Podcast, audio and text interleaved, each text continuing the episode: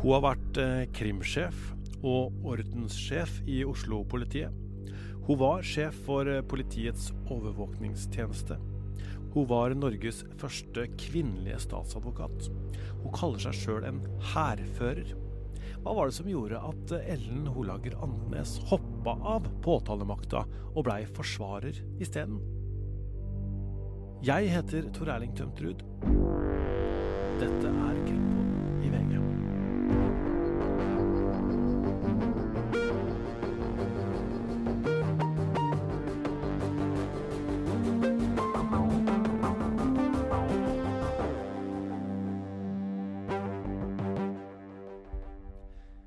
er eh, høyreist.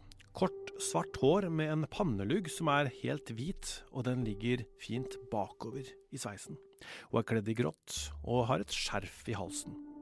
Krimkommentator Øystein Milli og jeg tar imot Ellen Holager Andenes i VG-bygget. Den siste store gangen vi så henne, så var det opp trappa til tinghuset i Oslo, ved siden av tidligere justisminister Tor Mikkel Wara.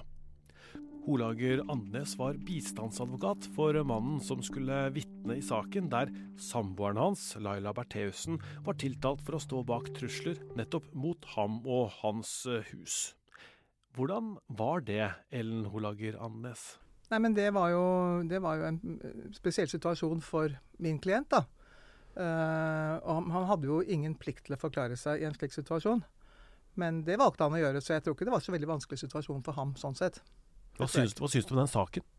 Jeg syns den, var- den var spesiell, det var interessant. Eh, jeg vet ikke om resultatet ble riktig. Men det er jo en helt unik sak eh, i norsk sammenheng, og kanskje for så vidt i større sammenheng utafor Norges grenser også. En, man, bare for å minne lytterne på hva som var opptakten, ikke sant, så var det jo et eh, teaterstykke Mm. som uh, bl.a. viste bilder av justisministeren og hans familie sitt hus. Det ble det en stor offentlig debatt om. Samboeren, Laila Bertheussen, reagerte jo kraftig på det. eh, skrev vel en kronikk hos oss i VG. I VG, ja. Ja, og Eh. jeg la skyte inn der. Det var jo ikke rart at man reagerte på den Det var jo et, et ufyselig teaterstykke. Det ble jo vist i retten. Og jeg må jo si Håret står jo rett i værs. Det var jo så hatsk. Mm. ja. Men er du teateranmelder, du? Nei. Nei. Nei, men det, jeg er meg. Jeg må Ja. jo få lov til å reagere. Ja, ja, ja. Og så er det jo ytringsfrihet, og øh, kunsten er uh, uangripelig, som noen uh, sikkert vil si. Men hvis du tenker um, og, så, og, så snu, og så starter etterforskningen. Så skjedde det jo så mye rundt huset til uh, Vara, ikke sant? Det var jo disse uh, søppelkassene som brant, det var påtenning i bilen uh, til Vara osv. Det var det som var opptakten som gjorde at det ble en etterforskning. Og så kom jo det store, for mange, øh, og de fleste vil jeg si, eh, overraskelsen når politiet da kaller inn til en pressekonferanse og sier at de har sikta samboeren til, til Vara, da eh, Laila Anita Bertheussen. Um, hva tenkte du da? Jeg ble jo veldig overrasket, som alle andre. Um, jeg var glad at det ikke var meg som eh, måtte ta den avgjørelsen om å foreta den, eh, de påtalemessige handlingene der. Du har jo, ja, og du har jo en lang, lang fartstid i påtalemyndigheten. Um, si litt om hvordan du tror du ville tenkt hvis uh, du satt i en uh, sentral rolle i, i, eh, i påta påtalemakta i Norge, og det kommer uh, en etterforskningsgruppe og sier at nå, nå er, ligger det sånn an at vi har kommet til et punkt hvor vi mener at bevisene ligger sånn an at vi må sikte og pågripe justisministerens samboer. Ja, altså Det er litt for tung materie å gå inn i, men jeg kan iallfall love deg at jeg hadde lest dokumentene ganske godt. Jeg hadde ikke liksom bare sagt 'OK, gutter', og så satt stempelet på og gått og tatt kaffe. Jeg tror det hadde engasjert meg ganske mye. Men det, men det må vi gå ut fra at de gjorde her Ja, også. Og du sier at det har vært en, eh, en vanskelig avgjørelse. Ja, det må ha vært vanskelig. Og det viser iallfall at ikke politi og påtalemyndighet eh, Det viser iallfall at de eh, har stort mot og selvstendighet. For dette er jo ikke hverdagskost å gjøre noe slikt. Tror du de var klar over hvilke politiske konsekvenser det sannsynligvis kom til å få? Ja, helt sikkert. Mm. Det må det jo ha vært. Ja, og det skal jo ikke påvirke. Nei, skal jo ikke det. Så sånn sett så må man jo ta hatten av. Mm. Men om resultatet blir riktig til slutt, det er jo, kan man jo lure litt på. Det er jo en del løse tråder fortsatt som henger og dingler, men nå er jo dommen rettskraftig, så da må man jo bare sette streken under svaret. Ja, Laila Bertheussen har jo ikke eh, anket eh, den. Nei, hun ønsket ikke å, å, anke, for hun hadde ikke lyst til å hun, Altså, hun ønsket ikke å kjøre en sak på eh, straffeutmålingen.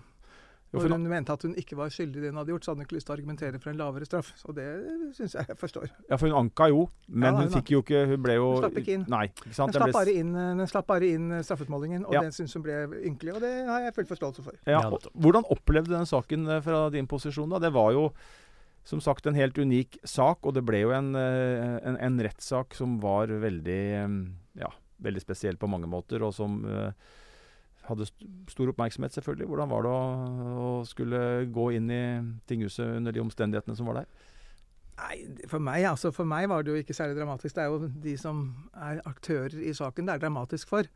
Men det var en interessant sak, og jeg hadde iallfall en veldig veldig sympatisk og hyggelig klient. Mm. Og det var en veldig god stemning på vår side, iallfall.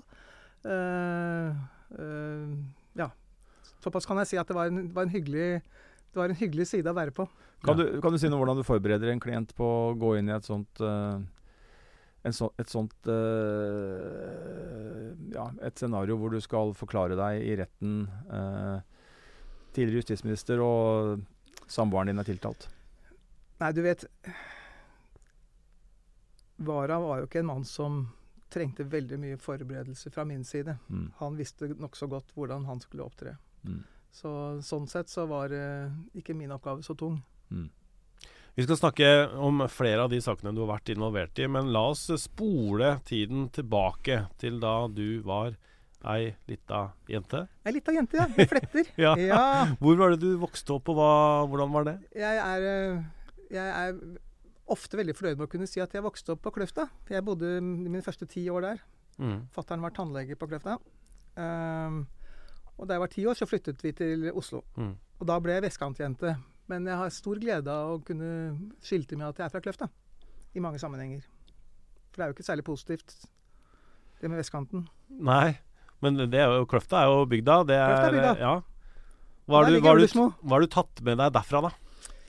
Nei, jeg veit ikke. Altså Jeg føler meg jo veldig Jeg føler meg jo veldig lite vestkantaktig. Altså, jeg føler meg Føler meg som folk flest. Mm.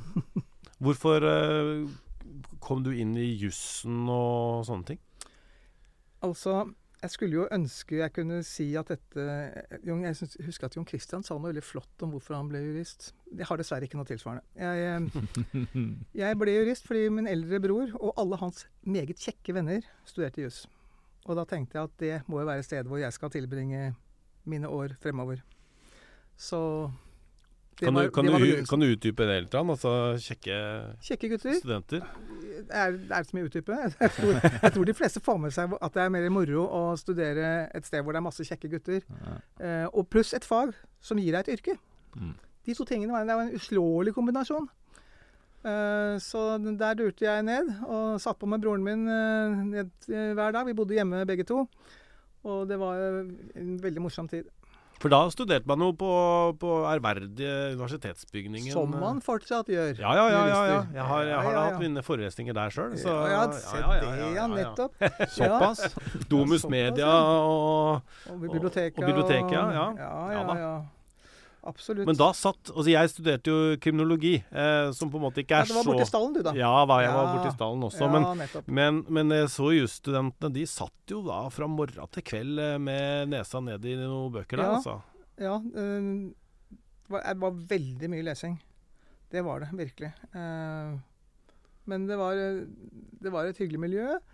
Og jeg var med, spilte revy, og det var eh, Fikk masse gode venner, og hadde mange gamle venner der, og det var en herlig, en herlig tid. Men den studietiden førte deg da inn i, eh, inn i påtalemakta. Ja, etter hvert, så. Mm. Eh, ja, for jeg husker, jeg husker det var jo eh, det, Også den gangen så var det litt sånn uh, eh, yrkesveiledning når man på, på slutten av studiet. Mm. Og jeg husker at eh, Elg Elgesem eh, og Håkon Vike, tror jeg også, eh, som var sånn solide påtalefolk Vike ble senere lagdommer. Mm. De var og snakket om påtalemyndighetene og politi. Og de syns jeg var noen utrolig kjekke karer. Mm. Og fascinerende. Jeg syns det hørtes fantastisk ut. Men så, men jeg var ferdig med studiene i 73, så måtte jeg bare få meg en jobb. Og det var veldig vanskelig å få jobb i politiet. Jeg prøvde ikke engang. Eh, så bare datt jeg innom eh, Forbrukerombudet, Mm. Eh, som hadde kontor på Skøyen. Nå er det jo ikke det er ingenting igjen av det huset lenger. Det lå lite, det lå et lite hus der som het Eggengården. Og der holdt uh, Trankontrollen til, og Norsk språkråd og uh, Forbrukerombudet.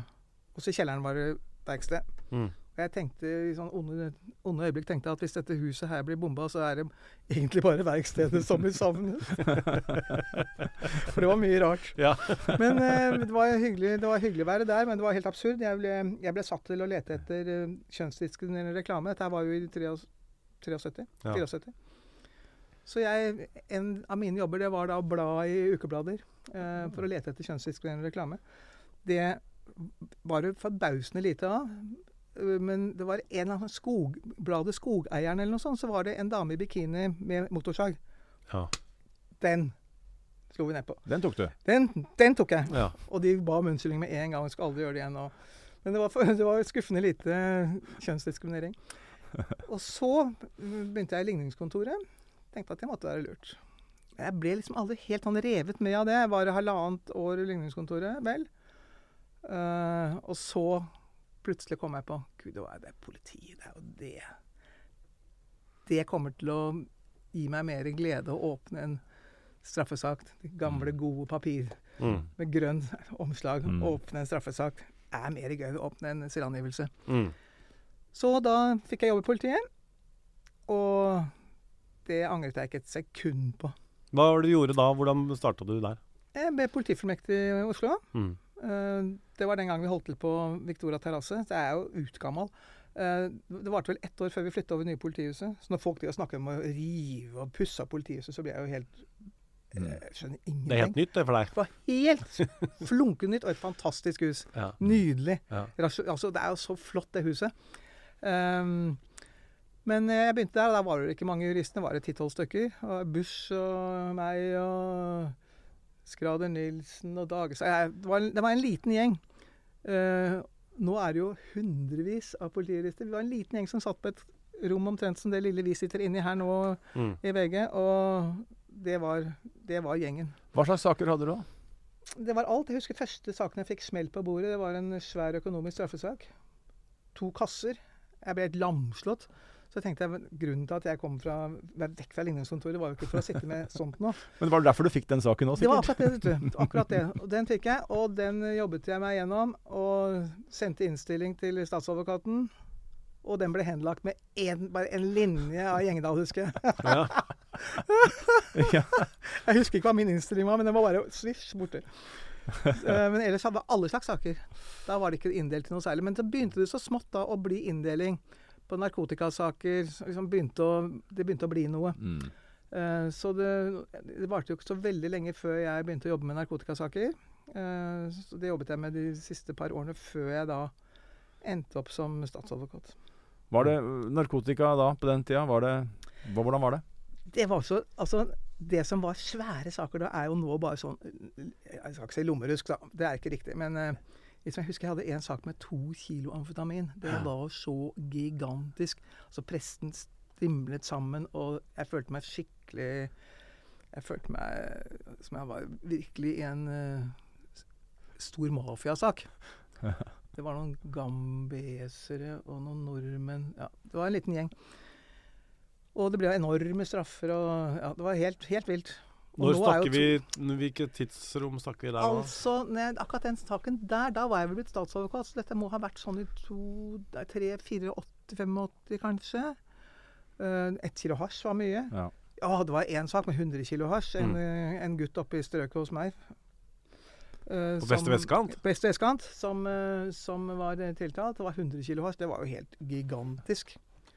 Vi var nede og etterforsket ned i Spania og holdt på, og det var kjempespennende. Mm. Nå er jo 100 kilo sånn du nesten ikke ler på øyelokket. Det har forandra seg mye, det. Ja, det har forandret seg Mm. veldig mye. Mm. Men da, da gikk du altså til å bli Norges eh, første kvinnelige statsadvokat. Ja, det gjorde jeg. Hvordan var det? Nei, det var jo kjempegøy. Uh, ikke at jeg tenkte så veldig mye på at det var først, Norges første kvinnelige, men det ble jeg jo gjort oppmerksom på. Jeg, jeg, visste jo det, da, selvfølgelig. Men det var liksom ikke det som var poenget. Jeg, følte, altså jeg ble spurt om å søke, og jeg gjorde det. Og, og, og, og det å Altså, jeg, jeg, jeg syns det var veldig lett å være kvinne i mannsyrket. Jeg følte nesten at du hadde en sånn spinnaker oppe og bare seilte mot land, liksom. Altså det var Ja, full fres? Ja, altså alle var velvillige, alle syntes det var gøy. Det var, fantes ikke noen form for diskriminering. Eh, tvert imot. Du var nesten Ja. Det var nesten motsatt. Du hadde, du hadde en fordel. Mm. Eh, det er mulig at det er blitt litt verre nå, faktisk. Hvor det er så mange kvinner, og over halvparten av jurister er kvinner. Så det er godt være at det er vel så vanskelig nå. Men den gangen var det virkelig ikke vanskelig. Ja, du var statsadvokat, men du har jo gått tilbake igjen til politiet etter det? Ja, det var det jeg gjorde. Eh, Jeg var statsadvokat en ja, Hvor lenge var det? Til jo. eh, Jeg ble vel statsadvokat i 83. Så gikk jeg tilbake i 87, mener jeg det var. Mm. For da da, Det var jo ganske tøft. Jeg hadde da fire barn. Mm. Eh, To ørsmå og, og to litt større piker. Um, og det å være veldig mye i retten vi var, det, var utrolig, det, var, det var utrolig tøft å være statsadvokat. Uh, men det var jo ikke begrunnelsen i og for seg. Men jeg lengtet litt tilbake til jeg lengtet tilbake til politiet. Og da sjefen for ordensavdelingen ble ledig, så søkte jeg den. Og samtidig så søkte Kvikstad eh, stilling som visepolitimester. Mm. Og det ble vi begge to. Og da var jeg ordenspolitisjef i sju år. Det er Lasse Krikstad, Kvikstad, som vi, Lasse Kvikstad. eh, som vi husker fra Treholtssaken, som Ja, vi skal ja. snakke litt mer om etterpå. Ja, men, ja, ok, men, men ordenspolitiet, hva, du leda det. Hvordan var det på den, Ja, den det, gangen? altså det var jo det var den morsomste Det tror jeg nok er den morsomste tiden jeg har hatt i min yrkeskarriere. Eh, det var ikke så mye juss. Altså det var jo det, jussen der, det var jo mer eh, Altså eh, Politiloven, eh, nødvergebestemmelsene Mm. Og det var ikke svære hauger av dokumenter som lå på skrivebordet. Jeg hadde blankt skrivebord hver dag, og 1000 mann og damer som uh, skulle holde orden på byen. Det var, uh, Og du visste aldri hva som skulle skje. Det var en herlig tid. Men Hvordan var det å holde orden på Oslo by den gangen? Jo, det var litt eh, det, Da var det en del bråk. Ja. Fordi da var det en kombinasjon av Det er jo ikke noe som er nytt i og for seg at det er, at det er bråk i verden. Men den gangen så var det også det, da. Og mm, det var, eh, det var eh, mye bråk utenfor ambassaden til eh, Konsulatet til eh, Sør-Afrika. Tyrkias ambassade, USA bestandig, naturligvis. Masse bråk.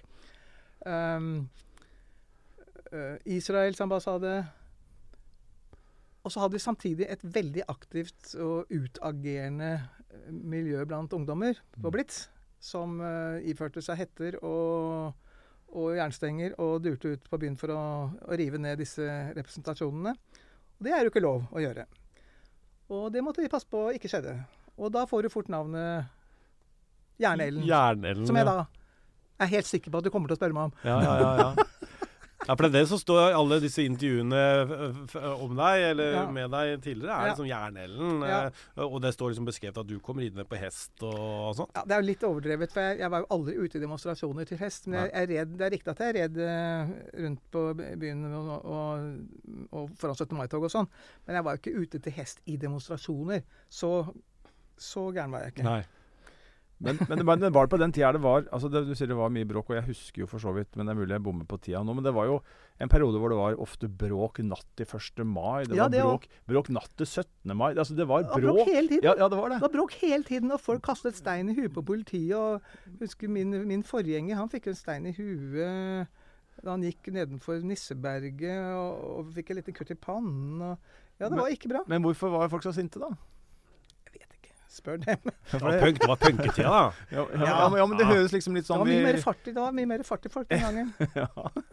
Men det, det, Blitz, Blitz var jo sentralt den gangen, dette huset som er eh, like ved Ja, ja. der vi sitter nå. Nå er det så fredelig, så. Ja, nå er det ganske Ja, ja. fredelig. Men da var det på en måte full, eh, fulle barrikader og greier. Det var det det var, vet du. Ja. Det, og det var jo en hendelse, vet du. Um, eh, Politiet hadde jo ikke lyst til å gå inn i det huset. Det var, man visste jo ikke hva som var inni der. Man prøvde å la det være i fred, men det ble mer og mer provoserende med disse barrikadene rundt. Og så øh, Men vi lot det være, Øh, selv om det ikke er lov å barrikadere fortauer. Men så var det en gang at det plutselig var en politibil som ble ranet for alt utstyr. Da var det nok. Så da bestemte vi oss for at nå må vi bare gå inn og få tilbake utstyret og sette en grense. Det ble gjort, og så tenkte jeg når vi først var inne der og fant masse molotov cocktails, og det var veldig mye ubra som fant seg inni det huset, tenkte jeg nå får vi like godt rydde vekk disse her barrierene utenfor. Så vi fikk tak i noe Da var jo alle arrestert inne på politihuset, og da fikk jeg fjernet alle barrikadene utenfor. Men da varte det jo ikke lenge før de dro opp på Ullern og tok bort og, ja, tok ikke bort, da, men de røska i gjerdet mitt. Ja. Det var jo litt humoristisk. Det går jo ikke an å ikke se humoren i det. Mm. Men akkurat der og da så var det jo litt guffent, da. For, Ja. da, for da Ja.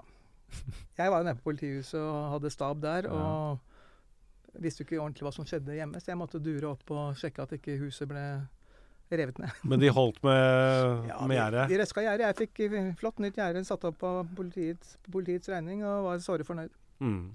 Men den tida der står for deg som eh, kanskje liksom den mest interessante og morsomme?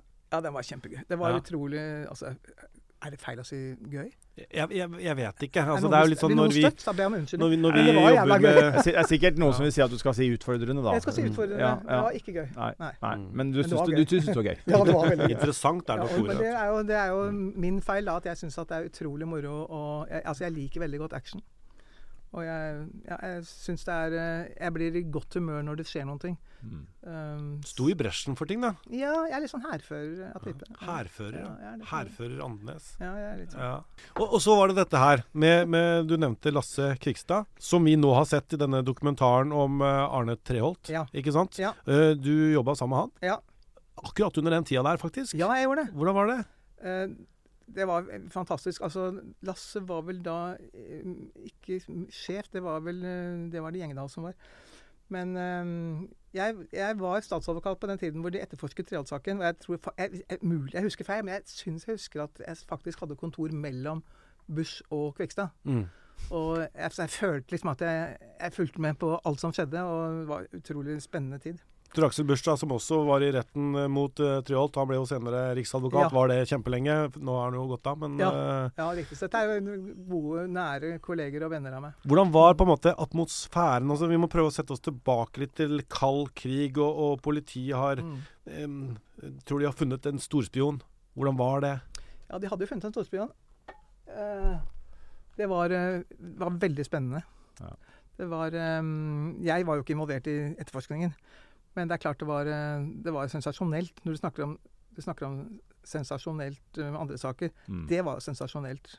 At en byråsjef i UD blir pågrepet for spionasje. Det er atskillig heftigere enn den saken vi snakket om i sted. Mm.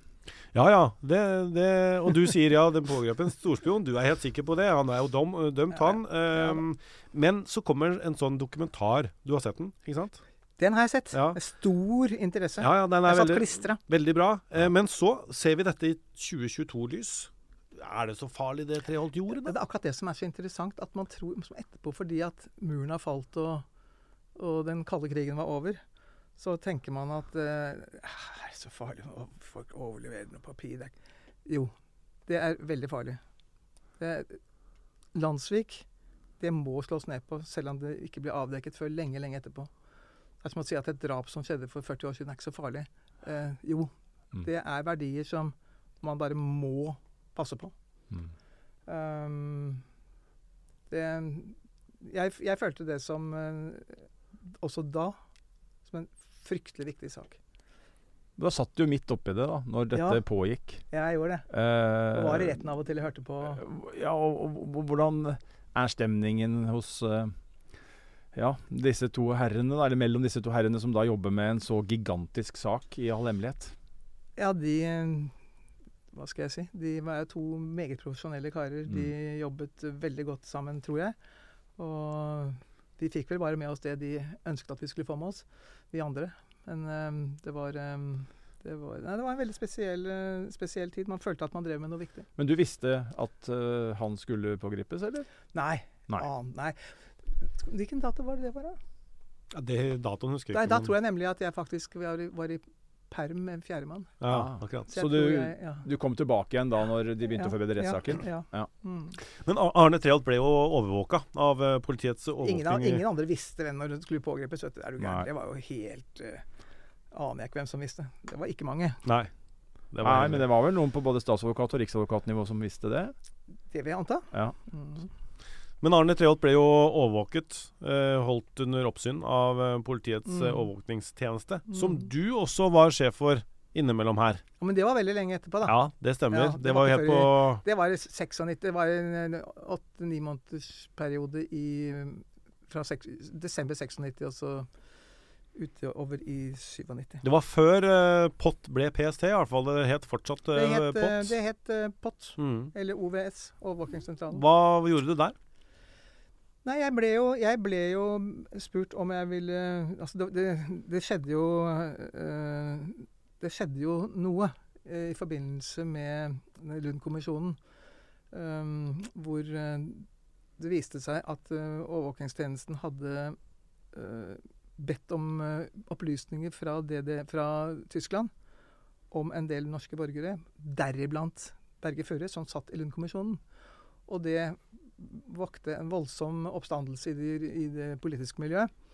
Og man mente til og med at uh, PS, eller, eller eh, overvåkingstjenesten hadde ettergått Lund-kommisjonen, og det var jo det var det ingen som mente etter hvert. da. For Lund-kommisjonen skulle jo se skulle om eh, se POT om hadde og gjort noe riktig. Ja, nettopp. Uh, så det endte da med at, uh, at overvåkingssjefen måtte, måtte gå.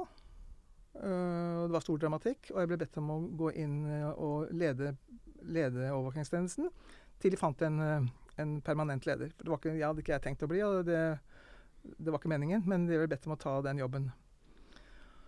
De, da sa jo Bush at uh, overvåkingstjenesten lå med brukket rygg, så de trengte jo en som kunne få dem litt opp av grøfta. Fikk du det? Ja, jeg tror det. Ja. Absolutt. Ja. Uh, det var en uh, veldig interessant tid. det, var, det var jo ikke lenge. Jeg var der, men, men det som var litt rart, da, jeg trodde jo da at Furre-saken var en tilbakelagt stadium. Men den poppet jo opp igjen. For den var, det var, den var slett ikke lagt død. Jeg trodde at det var noe jeg skulle slippe å ha noe med å gjøre. Men det endte jo med at jeg måtte arbeide veldig mye med det og, eh, i forbindelse med spørsmålet om om overvåkningstjenesten hadde vært eh, opptrådt uskjønnsomt eller ikke. Mm. Så jeg måtte avgi en uttalelse der, og ja. Hmm. Sånn var det. Men det var det siste du gjorde da, på en måte, før du eh, tok steget ut av påtalemyndigheten? Ja, for da hadde jo jeg altså eh, Det hadde jeg allerede gjort. Fordi i eh, 94, da, ble, da gikk jeg fra ordenssjef, og så ble jeg kriminalsjef. Og Ja, ja, tenkte, greit nok. Eh, og så ehm, Og så ble politimesterstillingen i Oslo ledig. Og jeg søkte den, og fikk den ikke. Da tenkte jeg nei, nå må jeg, jeg komme meg vekk herfra. Nå må jeg komme meg vekk. Da ble du eh, Nei, jeg var, jeg var egentlig veldig lettet. Ja. Jeg følte liksom at jeg måtte søke, for jeg måtte liksom vise at noen i Oslo-politiet var kvalifisert. Mm. Uh, for det mente jeg at jeg var. Uh, og jeg var. Men uh, egentlig var det en, en lettelse. Jeg hadde jo aldri kommet meg ut av den etaten hvis jeg ikke det hadde skjedd. Det var herlig. Det jeg da gjorde, det var at jeg fikk jeg ringte opp til, eh, jeg ringte opp til førstelagmannen i, i det som het Eidsivating den gang, nå Borgarting. Spurte om han hadde en, eh, en konstitusjon til meg. Det hadde han! Så var det bare svisj over, og så ble jeg lagdommer. Var det halvannet år. Ja. Til jeg skjønte at det kanskje ikke var det jeg skulle drive med resten av livet. Hvor gammel var jeg da? Ja 50. Ehm, så ble jeg advokatfullmektig hos Morten Kjensli. mm. Jeg hadde jo ikke Jeg hadde jo, ikke, jeg hadde jo vært i Høyesterett en masse ganger som statsadvokat, og, men jeg måtte likevel være advokatfullmektig for å få advokatbevilling. Ja. Så det hadde jeg jo ikke tenkt på at jeg måtte skaffe meg noe bevis for hva jeg hadde gjort før. holdt jeg på å si. Neida, så så eh, jeg, hadde, jeg hadde kjøpt meg en liten bærbar PC. Det var vel den investeringen jeg hadde gjort. Og hadde sett for meg at jeg nå skulle bli forsvarer. For det eneste jeg kunne, var jo litt strafferett og prosess, da. Så jeg var faktisk advokatfullmektig da jeg ble spurt om å da jeg ble spurt om å være overvåkingssjef. Det var jo litt komisk. Så det hadde visst vært bemerket i statsråd, da. Ja. Da advokatfullmektig Andenes ble utnevnt som, Som pottsjef, ja. som pottsjef. Mm. Det høres ut som et veldig langt sprang. Veldig, veldig, veldig sprang. Men du ble ikke politimester. Da sa du at det er en, eh, en uh, idé da å hoppe ut fra dette og bli forsvarer. Ja, det var, grunn, det var, ikke- det var ikke mer høyverdig enn det. Det var det at jeg rett og slett fant ut uh, Jeg kan ikke bli her lenger nå. Og jeg bør ikke bli lenger. Jeg har vært i, i påtalemyndigheten og politi i 20 år. Jeg må gjøre noe annet. Eh, hva kan jeg? Forsvarer. Mm. Og det er jo ikke store forskjellen, vet du. Oi, Å, Nei, det er jo ikke det. er det ikke det? Nei. Altså Man tenker liksom at man gjør det på en måte litt mer personlig enn det er. Man tenker liksom at er du påtalemyndigheten, så er du på de snille side. Er du på Forsvaret, så er du på de slemme side. Det er jo ikke sånn det er i det hele tatt. Dette er, dette er et fag. Mm. Det fine på en måte når du er, når du er, eh, når du er eh, i påtalemyndigheten, så har du den fordelen at du får saken fra, sak, fra bunnen av. Du gjennomgår den og ser om du er overbevist om vedkommende er skyldig og skal tiltales. Mm. Du kan henlegge alt du ikke syns holder mål. Det er jo den utstillingen du driver med. mm. Men du leter etter da Du, du ser etter svake punkter og sterke punkter ikke sant, i bevisførselen. Er det for mange svake, så blir saken henlagt. Mm. Som forsvarer så får du da resultatet av den vurderingen. Den som blir tiltalt, han har ikke noe valg, han må i retten. Så det sier seg jo selv at forsvareren har jo en sak som er litt eh, Altså, du vil, du vil oftere få medhold som Mm. påtalemyndighet enn som forsvarer, fordi det er allerede gått en siling der. Mm. Men når du får den da som forsvarer, så begynner du å lete etter de svake punktene i bevisførselen. Ikke sant? Og det er jo bare speilbildet av Mm. det du har drevet med før. Så det var overhodet ikke, ikke noe rart eller vanskelig. Men det er, noe, det er noe med at du forsvarer personer som ofte kanskje har hatt en uheldig sti i livet. Som havner på skråplanet og, og sånne ting, da. Ja. Er ikke det på en måte noe sånn eh, rettssikkerhets... Eh, høyverdighetstanker? Jo, men det er jo det som gjør at, det- at det å være forsvarer er veldig givende. At du får kontakt med menneskene. Eh, klientene ser det. Altså, du ser jo ikke klientene annet enn i det øyeblikk du griper den i nakken eh, hvis du er med ut og pågriper. eller du, du ser en fremstilt i retten med, med politiet. Som forsvarer så kommer du jo inn i vedkommendes liv på en helt annen måte. Mm. Og det gjør jo Det er jo en givende side ved det å være forsvarer. Da er det ikke så mye jernellen igjen. Jo, jeg vet ikke det. Nei, jeg, altså jeg, jeg er jo ikke noe jeg, Det er bare tøys når pressen setter sånne stempler på det. Mm. Jeg er jo ikke så veldig hjerneaktig, egentlig. Men, men eh, du har jo gjort dette byttet som uh, noen gjør. Uh, går fra den ene til den andre siden, da, som noen uh, ynder å kalle det. Men Ja. uh, hvordan, når du sitter og ser på politiets arbeid da, i dag, 2022, ehm, og tenker på hva som ble gjort, som du kjenner fra påtalesida ja, Mm. politimessig arbeid på 80-90-tallet mot 2000-tallet, er det hva er, eh, hva er eh, status eh, i norsk politi? Kvalitetsmessig? Jeg vil vel kanskje tro at status i, i kvalitetsmessig er vel så godt nå som det var. Mm. Eh, og grunnhold, politiets grunnholdning om at man skal være objektiv i etterforskningen, den mener jeg, den mener jeg jo definitivt fortsatt er der eh, som en basis. Selvfølgelig er den det. Um, politiet er Men s- eh, jeg mente jo selv jeg var veldig objektiv som påtalejurist. Men så er det selvfølgelig um, og I de fleste saker så ser du objektivitet utfoldet hver Mm. eneste gang du får en ny sak. Men det er jo unntak, og, det, og fronten er mye mer tilspisset nå, vil jeg si. Ja. For eh, jeg syns Det er mulig jeg Jeg vet ikke av lurer jeg husker feil, men jeg syns jeg husker veldig godt at forsvarerne var fraværende eh, under etterforskningen. Det var ikke sånn som nå, hvor vi holder på å plage politiet og med all verdens begjæringer og, og krav. Eh, de, var ganske, de var ganske passive og tok imot saken med tiltale, og så begynte de arbeidet. Så det har selvfølgelig drevet politiet litt mer over på en offensiv front, da, for forsvarerne er mye mer aktive. ja. kanskje flinkere. Jeg vet ikke. Altså jeg vet ikke hva man skal kalle det. Men, eh, men det er iallfall en helt annen stil nå, som, som lager større fronter. Blir det, ja, blir det et bedre resultat sånn rettssikkerhetsmessig av det, da? Mer mulig. Jeg er ikke sikker. Det er vanskelig å si. Mm. Uh, det er jo mm, Av og til så blir jo frontene for skarpe. Og så, og så syns Som at dere blir uvenner, liksom? Eller er det Det tror jeg aldri nesten har skjedd meg. Men noen ganger så kan det nesten virke sånn at frontene er så harde at det kanskje går utover Jeg har aldri skjønt hvorfor man skal gidde å være uvenner med motparten. Altså, de er på jobb. Mm. Eh, hvorfor all verden skal du ha en Hvorfor skal du være uvenner med motparten? Det er jo helt forkastelig. Men noen steder ser du at, at det skjer. Eh, og så er det Men så er det jo også det, da, at uh, jeg synes, Vi hadde jo ikke noe Økokrim den gangen. Og Økokrim syns jeg av og til uh, Jeg skulle ønske at vi hadde et Økokrim som i større grad prøvde å rydde opp i kjelte, ekte kjeltringer. Så alle de bedragerne og konkursrytterne som holder på å herse, at de, at de at de er fornøyd med å, å ta kjeltringene. Det er akkurat som det er ikke bra nok for Økokrim. De skal utforske ytterkantene.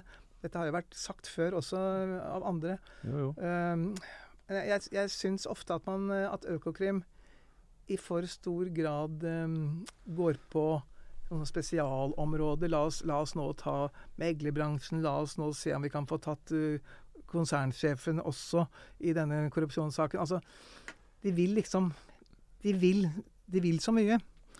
Nå er jo ikke Økokrim her til å forsvare seg på det, og vi skulle gjerne hatt en debatt på det, men vi får konstatere at det er din, din Ja, mening, da. Jeg Men, tenker av og til sånn, ja. ja, Men ja, du- men men, du du, har jo vært i, med i Økokrims etterforskning òg. F.eks. For du var forsvarer for eh, Kjell Inge Røkke da han var eh, ja. Det var jo ikke Økokrim, da. Nei, det, da, var, da, det var Oslo-politiet som hadde Mm. det, var, det var jo strafferettslig sett en bitte liten sak. Det var jo bare media som var helt gale etter Røkke. Så ble dømt for korrupsjon. da. ja, men det var, det var, det var en mikroskopisk sak.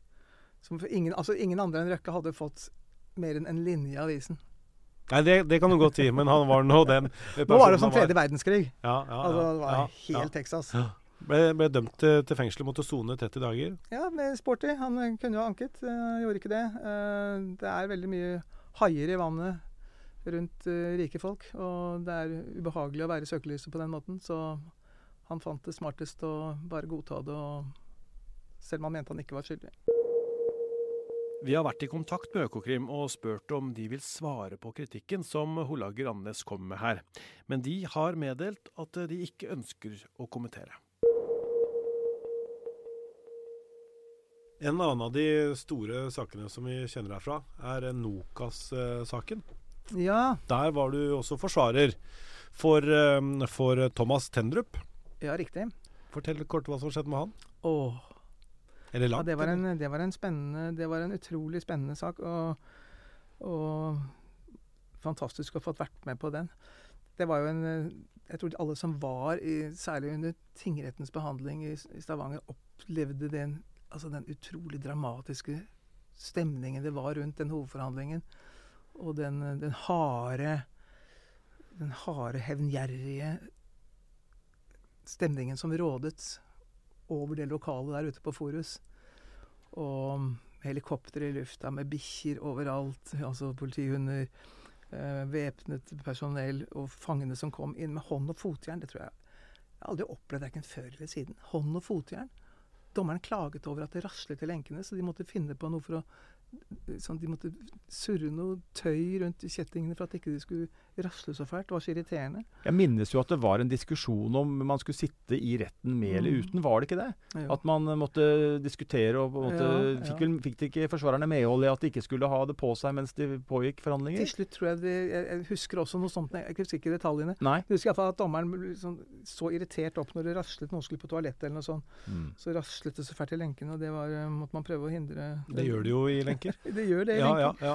Nei, Var, det var det fordi de var redde for at uh, noen skulle komme og, og befri dem, eller noe sånt? eller? Ja, Gudene vet. Eh, sikkert. Sikkert var sikkert en masse, De har sikkert holdt på i, flittig å lage risikovurderinger på det.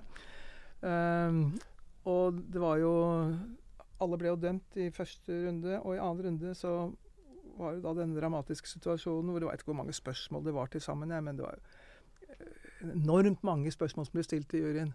Og juryen Ja med mer enn seks stemmer. Ja med mer enn seks stemmer. Ja med mer enn seks stemmer. Helt til de kom til Thomas Tendrup. Da husker jeg juryformannen så opp, og så sa det nei. Så var det videre. Ja, ja, ja, ja. Det var en utrolig dramatisk Dramatisk eh, dramatisk øyeblikk. Da var vi kommet til lagmannsretten, altså annen runde.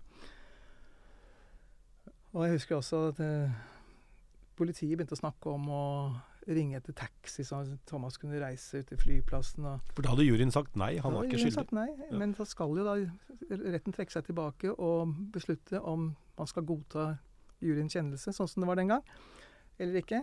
Og Thomas sa eh, det, er ikke, det er ikke over før det er over, sånn. Mm. Så han ville ikke ha noe taxi bestilt. Han tok seg en røyk bak i garasjen der. Og, og pressen var villig etter å få intervju med meg og med ham. Og det var da jeg gjorde sånn. Jeg, Altså, jeg tok sånn tommeltotten ned. Det var fordi jeg skulle si nei, han ville ikke. Han ville ikke. Det var ikke for å, det var ikke for å nedverdige retten, men det var for å si at Thomas vil ikke intervjues. Nei. Og jeg vil heller ikke. Um, og så kommer de tilbake, og så sier de at han er utvilsomt skyldig, og han skal fortsatt sitte i varetekt. Og da blir det jo en ny Da blir det en ny runde Mm. med, med, med, med meddommere, ikke jury igjen. Mm. Og, men han var jo ikke utvilsomt skyldig, åpenbart, for han var jo to som ville frifinne han i neste runde òg. Mm. Men det aller mest, så han, han ble jo dømt med den aller minste marginen det går an å få. Så øh, Vi får jammen håpe han var skyldig. Han var liksom frimannen en eh, liten stund der, han da. Ja, i, i, ikke i sitt hode, tror jeg. Nei. Men han, han Selvfølgelig var han det, lite grann. Mm. Men eh, det som var interessant, det var jo den kontrasten det var med sikkerhet fra vi var liksom i tingretten og lagmannsretten første gang. Med alle disse bikkjene og lenkene og, og, og helikoptrene. Plutselig så ser du i pausen så står jo Thomas der ute alene på gata nesten sammen med én politibetjent og tar seg en røyk og da er, det, ikke noe farlig. Nei. Nei, Da var det- da plutselig er det nede på vanlig hverdagslig nivå. Mm. Bakteppet her ikke sant, var jo, bare så folk henger med på det, da, eh, hvis noen ikke kjenner ja, noe av saken, er jo Bakteppet er jo, som vi snakka om før også, vi hadde jo Jonny Brenna her eh, eh, i sommer. Men, men bakteppet var jo at det var jo et ransmiljø i Norge som ja. stadig begikk ran. Det var alt fra at man kjørte. Ja, verditransporter Uh, på Lillestrøm. Det var eh, jeg tror det var Mjøndalen, Buskerud. Man rygga inn biler gjennom Ja, ja. en port oppe på Løren, på Det var helt vilt. Ja, og, og man Og hadde nede på nede eh, terminalen, eh, postterminalen nede i Ja, ja. Riktig. Riktig. Og, Eller Gunerius Uh, gate. og, og det ranet ikke sant, det skilte seg jo fra en del av de andre. For der kom jo politiet Mm. ganske fort på stedet. Og det ble jo skyting fra ranerne mot Mm. politiet. Dette var høsten 2003. Eh, Postens brevsenter. Og så, og så kommer jo Nokas-ranet i 2004. Jeg tror det var 5. april Mm. 2004. Og så blir jo um, Arne Sigvig Klungland, politimannen, skutt. Skutt og drept. Og det tror jeg, eller det har jo mange sagt, uh, at på en måte det kan selvfølgelig ikke politiet eh, akseptere på noe vis. Og mange, eh, noen i hvert fall, har vært kritiske til at politiet ikke tok dette ransmiljøet på alvor før det kom så langt. Men det at det ble drept en politimann, det, det var jo som å Det var en game changer. ja, det var som å skru på en Ja, bryter det, i forhold til det, Det var gjør du ikke, det gjør du ikke i Norge. hele uh, norsk politi mobiliserte Mm. disse skal tas. Mm. Ikke sant? Disse skal tas. Og en, det var uh, alt av SO-folk i Oslo. Etterforskningskapasitet, Kripos, etterretning, utenlandsk samarbeid. Alt! Absolutt alt! Og husker du at vi fant den båten som var senket ned utenfor Svelvik? Ja, Med alt det utstyret med, med, med fingeravtrykk og det gjorde de. Under en såkalt brannøvelse. Såkalt. Ja. Hva var det som skjedde der? Nei, si det. Ja. Eh, Nå, nå snakker vi litt internt, kanskje, men vi har jo, når vi sier det sånn, så sant, Politiet fant jo en eh, Det var, et, var senka et eh, rans, eller ransutstyr ute i eh, Svelvik, på en Mm. kai der. Og så tror jo tydeligvis både Ellen og jeg at uh, den historien som politiet fortalte, kanskje har noen flere uh, setninger. Fordi at man sa jo at dette var en, eh, ble funnet fordi at brannvesenet tilfeldigvis hadde en Øvelse. brannøvelse, en dykkeøvelse Dykka der, og dykka rett ned Mm. og fant da det som viste seg å være det, bl.a. masse DNA-materiale fra flere av dem. Ja. Eh, ja, vi er vel av den oppfatning Det var at opplagt en som hadde fortalt det. Men uh, det er, det er en annen historie. Ja da, det er det. Men det er jo interessant å Men det er, det er bra du får med bakgrunnen her, for det var jo all grunn for å være på tå hev her. Det var jo et veldig stygt miljø, og det var jo flere utenlandske medvirkere her eh, man ikke visste hvilken kapasitet kunne ha til å befri osv. ja, Og så det- Derav det store sikkerhetsopplegget, Ja, ja, ja. da. ja, Så sikkerhetsopplegget var jo ikke på noen måte ubegrunnet. Nå bare den kontrasten var så Mm. fantastisk. Mm. Og det var, en, og det var den stemningen den var så, den var så, så hard. Jeg, som jeg aldri har opplevd noen gang. Jeg har vært i mange store, Mm. tunge saker. Men en så hard stemning som der, det har jeg aldri opplevd. Mm. Nei, det var jo helt eh, Det var jo Ja, var der, Ja, jeg var der begge rundene, og det, det var jo Ja. Til, til, på den tida så, så kan jeg ikke huske noen sak hvor det var et sånt oppbud uh, hadde vært uh, noen gang. Nei, det kan jeg ikke Det var jo det var Jeg husker jo det var helikopter. Eh, der var det jo også Ja. folk på takene med skarpskytter og det ene og det andre. Ja. Så det, var, det har jo vært mange saker med stort sikkerhetsoppbud. Men dette var eh, det, Jeg tror dette må ha toppet alt. Det var jo pansra kjøretøyer med følgebiler. Det var helikopter som fulgte transporten. De satt jo Mm. da i uh, ulike fengsler frem til de skulle i retten. uh, og det var da et, uh, det var et menighetshus på Forus som ble ombygd Ja. til en Mm. svær rettssal. Mm. Og mm, man satt jo da med disse Nokas-tiltalte. uh, i- Fugleberg, Mm. advokater og Mm. Nei, det var en helt, helt uh, spesiell sak som, uh, som jo endte med at veldig mange ble dømt. Og så ble det også da slutt på den type ran, stort sett. Ja, det har vel overhodet ikke vært noe etterpå. Det har vært noen små, ja, litt mindre ran. Det dukker opp en og annen, men det er virkelig påfallende hvor fullstendig tyst det ble. Så Mm. det må man sies å ha vært en um, Antagelig en, en politiinnsats som var vel verd det. Mm. Å få oppklart den i Alvorlig- bredde. Men, Alvorlige greier. eh, Eh, Det var det virkelig, altså. Du har vært, vært, med på ting som ikke har vært så fullt alvorlig òg. Du var programleder i Torsdagsklubben sammen med Thomas Giertsen og Otto Jespersen. Ja. Ja, det var veldig, det syns jeg var gøy. ja. Det var um, ja, noen frekke fyrer som det er morsomt å ha med å gjøre. Måtte du bryne deg litt der, eller? Nei, jeg føler meg vel blant sånne typer. Ja. Det er eh, Det er um, Jeg liker sånne litt kjekkaser. Men det var jo på en måte samme momentet, altså samme ting. Alvorlige ting skjedde. Du var forsvarer, men så kunne du gå inn der som eh, humorprogramleder også. Ja, ja, ja absolutt. Det følte jeg, jeg, jeg følte at som, som forsvarer kan du gjøre det meste. Uh, det var kanskje ja, Hva var jeg for noe da? Hvilket år var dette her, da? 03-04-ish. Var det ikke det? 03-04-ish. Da var jo Da var det Nokas-forsvarer, da. Nokas- Ja. Ja, det, det anså jeg ikke som noen det anså jeg, jeg skulle til å spørre Jeg skulle til å si Kunne jeg ikke også gjort det som øh, påtalemyndighet? Øh, kanskje ikke så lett. Som forsvarer kan du gjøre hva du vil. Altså Advokater er jo ikke noen De tar man jo ikke så alvorlig. Nei, men gjør ikke det? Ikke så alvorlig. Alvorlig, men ikke så alvorlig. Alvorlig nok. Nei, Så du mener at du kunne, du kunne vært det i dag? Det er Ja, ikke sånn at ja, ja. Samfunnet har ikke utvikla seg sånn at en forsvarsadvokat ikke kan uh, delta på humorprogrammer? Nei, det tror jeg absolutt ikke. Uh, du må jo bare passe på hva, litt på hva du spøker med, kanskje. da. Mm. Men ikke så veldig. Man bør ikke passe så veldig på. Sitter og googler nå. altså Du var programleder der i, i mars eh, 2004. Og så er det altså Nokas-ranet i april 2004. Ja, akkurat som var før. Ja, ja, ja. nettopp, nettopp. Kontraster, det. Ja, ja, absolutt. Hva gjør du nå eh, for å slappe av? Nei, hva gjør jeg for å slappe av? Jeg, slapper vel ikke så godt av, eh, tror jeg. jeg jobber jo fortsatt, eh, delvis, da. Prøver å trappe litt ned, men jeg jobber. Jeg har vel aldri hatt tid til å liksom, opparbeide meg så veldig mye hobbyer. Jeg, alle, jeg liksom, hadde fire barn spredd over veldig mange år, da. Så vi Så da er det ikke så mye annet å holde på med enn jobb og, og barn og familie. Det har jeg vært veldig fornøyd med å gjøre. Mm. Eh, jeg syns jeg har verdens absolutt fineste familie. Eh, men eh, hvis i den grad jeg har noen hobbyer, så er det vel Jeg liker å drive litt med planter og sånn, og så liker jeg veldig godt å plukke sopp. Oh, ja. Yes. Ute i skauen? Ute i skauen. Ut i skauen og plukke sopp, det er Ja. moro. Ja. Det er moro. Jeg syns jeg er relativt god på det. ja. Hva er det du plukker da?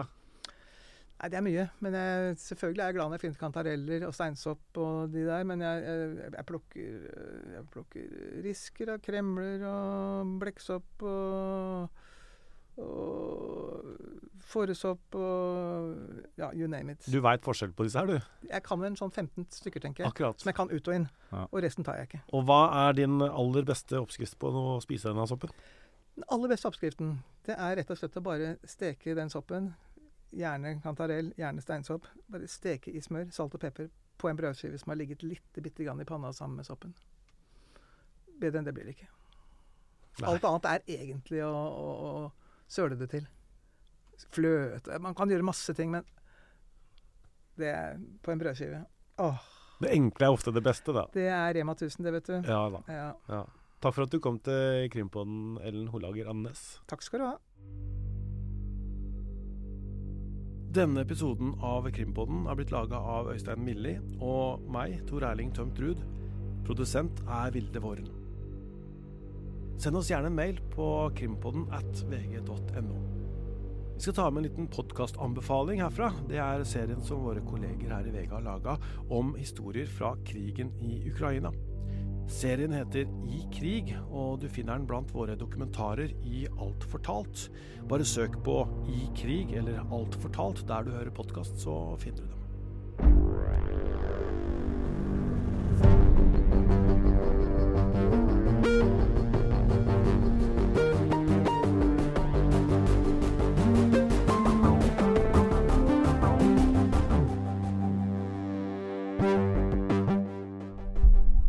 Du har hørt en podkast fra VG.